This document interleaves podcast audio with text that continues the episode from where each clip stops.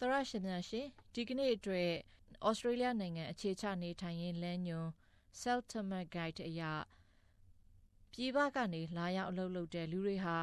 ဩစတြေးလျနိုင်ငံသားတွေလိုပဲဒန်းတူအခွင့်အရေးရှိတဲ့အကြောင်းကိုတင်ပြမှာဖြစ်ပါတယ်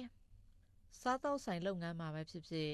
တခြားအသေးစားစီးပွားရေးလုပ်ငန်းတွေမှာလုပ်တဲ့လူပဲဖြစ်ဖြစ်အလုပ်ရှင်တွေကသူတို့ရဲ့အလုပ်သမားတွေကိုလှုပ်အားခလစာပေးတဲ့တလောက်မပေးတဲ့အကြောင်းကို ကျမတို့တွေမကြာခဏကြားဖူးလေရှိပါတယ်။အမှန်တော့ဩစတြေးလျနိုင်ငံမှာအလုပ်လုပ်တဲ့အလုပ်သမားတိုင်းမှာအခွင့်အရေးကိုစီရရှိထားပြီးသားဖြစ်ပြီးလုပ်ငန်းခွင် လုံခြုံရေးအခွင့်အရေးလုပ်ငန်းခွင်အခြေအနေနဲ့လုပ်အားခလာစာအခွင့်အရေးကအစဥပဒေနဲ့ပြဋ္ဌာန်းပေးပြီးသားဖြစ်ပါတယ်။အလုပ်ရှင်တွေကနေဥပဒေကို လေးစားမှုမရှိဘဲ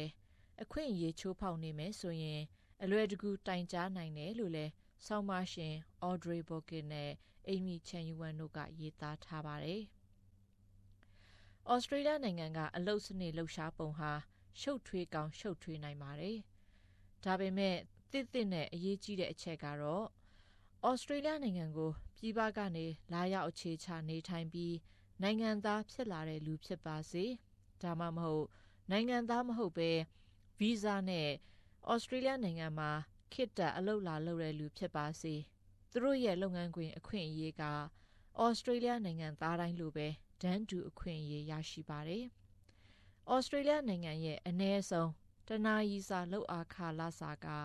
ဒေါ်လာ18.29စင်ရှိရမယ်လို့အစိုးရကသတ်မှတ်ပေးပြီးသားဖြစ်ပါတယ်။ကိုကအချိန်ပြည့်ရေရှည်အလုပ်လုပ်တာမဟုတ်ပဲအလုပ်ရှင်က လိုအပ်တဲ့အချိန်မှာအလုပ်လာလုပ်ဖို့ခေါ်တယ်ဆိုရင်တော့အဲ့ဒီထဲမှာကလောက်အားခလာစာပုံမရရှိရမှာဖြစ်ပါတယ်။ The Third World Ombudsman အဖွဲ့ကဩစတြေးလျနိုင်ငံလုပ်ငန်းခွင်နဲ့ပတ်သက်တဲ့အချက်အလက်နဲ့ဤဥပဒေအကြောင်းပညာပေးတာမျိုးတွေလုပ်ပေးနိုင်ပါတယ်။အဲ့ဒီဌာနရဲ့မီဒီယာဆိုင်ရာဒါရိုက်တာ Mark Lee ရဲ့အဆိုအရလူတွေအနေနဲ့သူတို့ရသင့်ရထိုက်တာကိုရမရသိရအောင် သူတို့အဖွဲ့ရဲ့ website မှာဝင်ရောက်လေ့လာနိုင်တယ်လို့ပြောပါတယ်။ The best thing that you can do to figure out what the rate of pay is and what your award or what your job uh, entitles you to is to log on to our website, fairwork.gov.au. လာစာဘယ်လောက်နှုံရတဲ့လဲဘာခံစားခွင့်တွေရှိတယ်လဲဒီအလုပ်ကနေဘာတွေထားရနိုင်တယ်လဲဆိုတာကိုသိချင်ရင်တော့အကောင်းဆုံးနည်းလမ်းကကျွန်တော်တို့ရဲ့ website ဖြစ်တဲ့ fairwork.gov.au ကိုဝင်ရောက်ပြီးကို့အလုပ်အခြေအနေနဲ့ကိုရတဲ့နာတွေကိုတွဲချက်ကြည့်လို့ရပါတယ်။တွဲချက်ဖို့စူးစမ်းရင်းနဲ့ကိုကဘာလုပ်နေသလဲလာစာဘလောက်နှုံရရှိသလဲဘာခံစားပိုင်ခွင့်တွေရှိသလဲစတဲ့မေးခွန်းတွေကိုလည်းဖြေဆိုကြည့်နိုင်ပါတယ်ကိုကဗီဇာနဲ့ဩစတြေးလျနိုင်ငံမှာရောက်ရှိနေတာဆိုရင်တော့အလုပ်မလုပ်ခင်မှာကိုယ့်ရဲ့ဗီဇာအမျိုးအစားကဘာလဲဘာတွေလုပ်ခွင့်ပေးသလဲဆိုတာကိုအရင်ဆုံးလေ့လာရမှာက ကိုယ့်ရဲ့တာဝန်ပဲဖြစ်ပါတယ် It's important to understand what your work entitlements are under that visa. We have a number of different visas in Australia, and our visas are governed by the Department of Immigration and Border Protection. If you're on a student visa, for example, your work entitlements might be different to if you're on a working holiday visa. ကိုရရှိတဲ့ဗီဇာအရဘယ်အတိုင်းအတာအထိအလုပ်လုပ်ခွင့်ရှိသလဲဆိုတာတွေကိုနားလည်ဖို့ကအရေးကြီးပါတယ်။ကျွန်တော်တို့မှာဗီဇာအမျိုးမျိုးကွဲပြားနေပြီးဗီဇာပိုင်းကိုတော့ လူဝင်မှုကြီးကြပ်ရေးနဲ့နယ်စပ်ကာကွယ်ရေးဌာနကကင်တွဲတာဖြစ်ပါတယ်။ဥပမာကိုကကျောင်းသားဗီဇာနဲ့နေထိုင်တာဆိုရင်တော့ကိုယ့်ရဲ့အလုပ်လုပ်ခွင့်က working holiday visa ရရှိထားသူနဲ့တူညီမှာမဟုတ်ပါဘူး။ဒါကြောင့်အလုပ်မလုပ်ခင်မှာကိုဘယ်လောက်အတိုင်းအတာအထိအလုပ်လုပ်ခွင့်ရတယ်လဲဆိုတာကိုသိရအောင်လူမှုကြီးကြပ်ရေးနဲ့နေစားလုံခြုံရေးဌာနကိုဆက်သွယ်ပြီးတော့သူတို့ပြောတဲ့အတိုင်းလိုက်နာဖို့ကအရေးကြီးပါတယ်။ ကိုယ့်ရဲ့ရပိုင်ခွင့်ကဘာလဲဘလောက်အတိုင်းအတာအထိအလုပ်လုပ်နိုင်တယ်ဆိုတာကိုသိထားဖို့ကအထူးအရေးကြီးပါတယ်။အဲ့ဒီလိုသိထားမှသာလျှင်အလုပ်ရှင်တွေကကိုယ့်အပေါ်အမျှထုတ်တာမျိုးတွေမလုပ်နိုင်မှာဖြစ်တယ်လို့လည်းပြောပြပါတယ်။ Fair Word Ombudsman ကနေရရှိတဲ့တိုင်ကြားစာ၅ခုထဲကတစ်ခုနှုံးဟာဗီဇာနဲ့ဩစတြေးလျနိုင်ငံမှာခေတ္တနေထိုင်အလုပ်လုပ်သူစီတွေကရရှိတာပဲဖြစ်ပါတယ်။ လုပ်ငန်းခွင်အခွင့်အရေးချိုးဖောက်ခံရလို့တရားရုံးမှာအမှုရင်ဆိုင်ရသူတဝက်ကလည်းကခေတ္တဗီဇာနဲ့ဩစတြေးလျမှာနေထိုင်ပြီးအလုပ်လုပ်ကြသူတွေဖြစ်ပါတယ် We know that recent arrivals and temporary visa holders are more vulnerable to workplace exploitation. Uh, for many, English is their second language, so they may have some language barriers to understanding their rights. မကြာသေးခင်တုန်းကမှဩစတြေးလျနိုင်ငံကိုအသစ်ရောက်လာတဲ့လူတွေနဲ့ ခေတ္တနေထိုင်ခွင့်ဗီဇာရရှိသူတွေဟာလုပ်ငန်းခွင်မှာအနိုင်ကျင့်အများထုတ်ခံရတာပိုများတယ်ဆိုတာကျွန်တော်တို့သိပါတယ်။အဲ့ဒီလူတွေအများစုအတွက်တော့အင်္ဂလိပ်စာဟာသူတို့ရဲ့မိခင်ဘာသာမဟုတ်တဲ့အတွက်သူတို့ရဲ့အခွင့်အရေးကိုအင်္ဂလိပ်လိုရေးထားလို့နားမလည်တာမျိုးဖြစ်နိုင်ပါတယ်။ဒါအပြင်ဩစတြေးလျနိုင်ငံရဲ့လုပ်ငန်းခွင်ဥပဒေနဲ့လောက်အခလာစာအကြောင်းနားမလည်တာတွေအပြင် ပြဿနာဖြစ်ရင်လဲဘယ်နားမှာအကူအညီတောင်းရမလဲဆိုတာကိုမသိကြတဲ့အတွက်ဖြစ်နိုင်ပါတယ်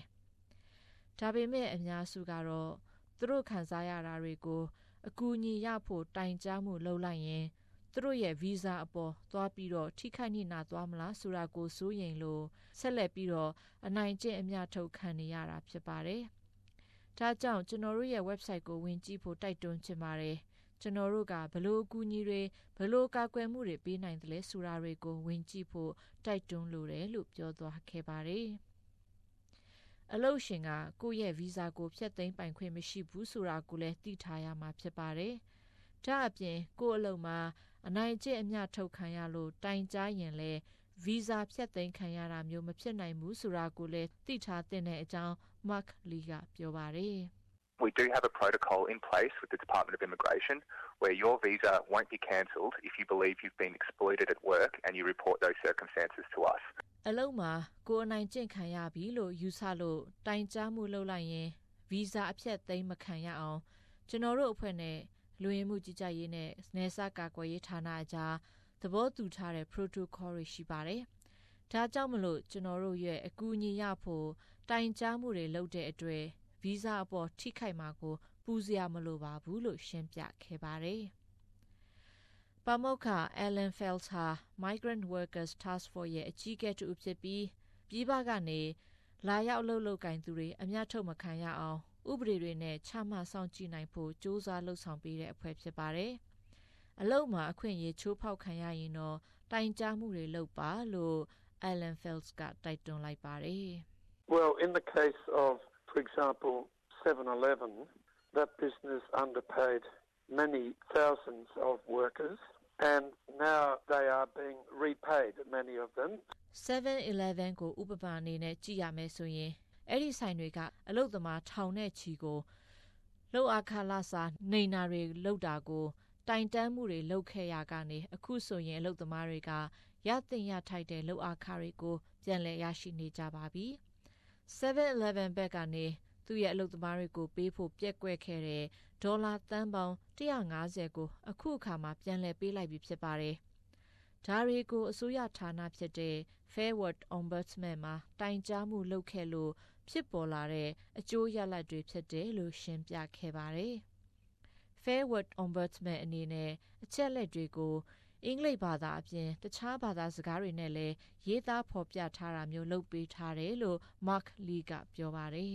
။ Our website has information in 30 different languages. Um, we also have uh, an anonymous tip-off form. ကျွန်တော်တို့ website မှာဘာသာစကားအမျိုးပေါင်း30နဲ့အချက်လက်တွေကိုဖော်ပြထားပါတယ်။ဒါအပြင် online ပေါ်ကနေကိုဘယ်သူဘယ်ဝါမှန်းမသိအောင်တိုင်တန်းမှုလုပ်နိုင်အောင်စီစဉ်ပေးထားတဲ့ဖုန်းပုံစံစာရွက်လည်းရှိပါတယ်။ ကိုကနေတိုင်တန်းမှုလုပ်တာလို့လူတွေကိုမသိစေချင်ရင်လည်းတိုင်တန်းနိုင်ပြီးတော့ဘာသာစကား16မျိုးနဲ့အွန်လိုင်းကနေတဆင့်တိုင်တန်းနိုင်အောင်လည်းပြုလုပ်ပေးထားပါတယ်။ဒါမှမဟုတ်ရင်လည်းဖုန်းနံပါတ်131394ကိုဖုန်းဆက်ပြီးကျွန်တော်တို့စီက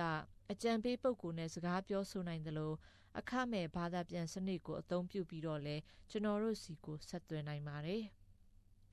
ဩစတြေးလျနိုင်ငံမှာအလုပ်လုပ်တဲ့လူတိုင်းလုံခြုံပေးကင်းစွာလောက်ကင်နိုင်ရမယ်အခွင့်အရေးလည်းရရှိကြပါတယ်။လုပ်ငန်းခွင်မှာဘေးကင်းမှုမရှိဘူးလို့ခံစားရရင်တော့အကြောင်းကြားမှုတွေလုပ်ဖို့ CFMEU အလုပ်သမားသက်မက်ကရဲ့အတွင်းရေးမှူး Dave Noonan ကပြောပါတယ်။ they should make a complaint. The worst thing that can happen is that you do work that's unsafe and get hurt or get killed at work. There's no worse outcome for families than that. တိုင်တန်းမှုတွေလုပ်တဲ့ပါတယ်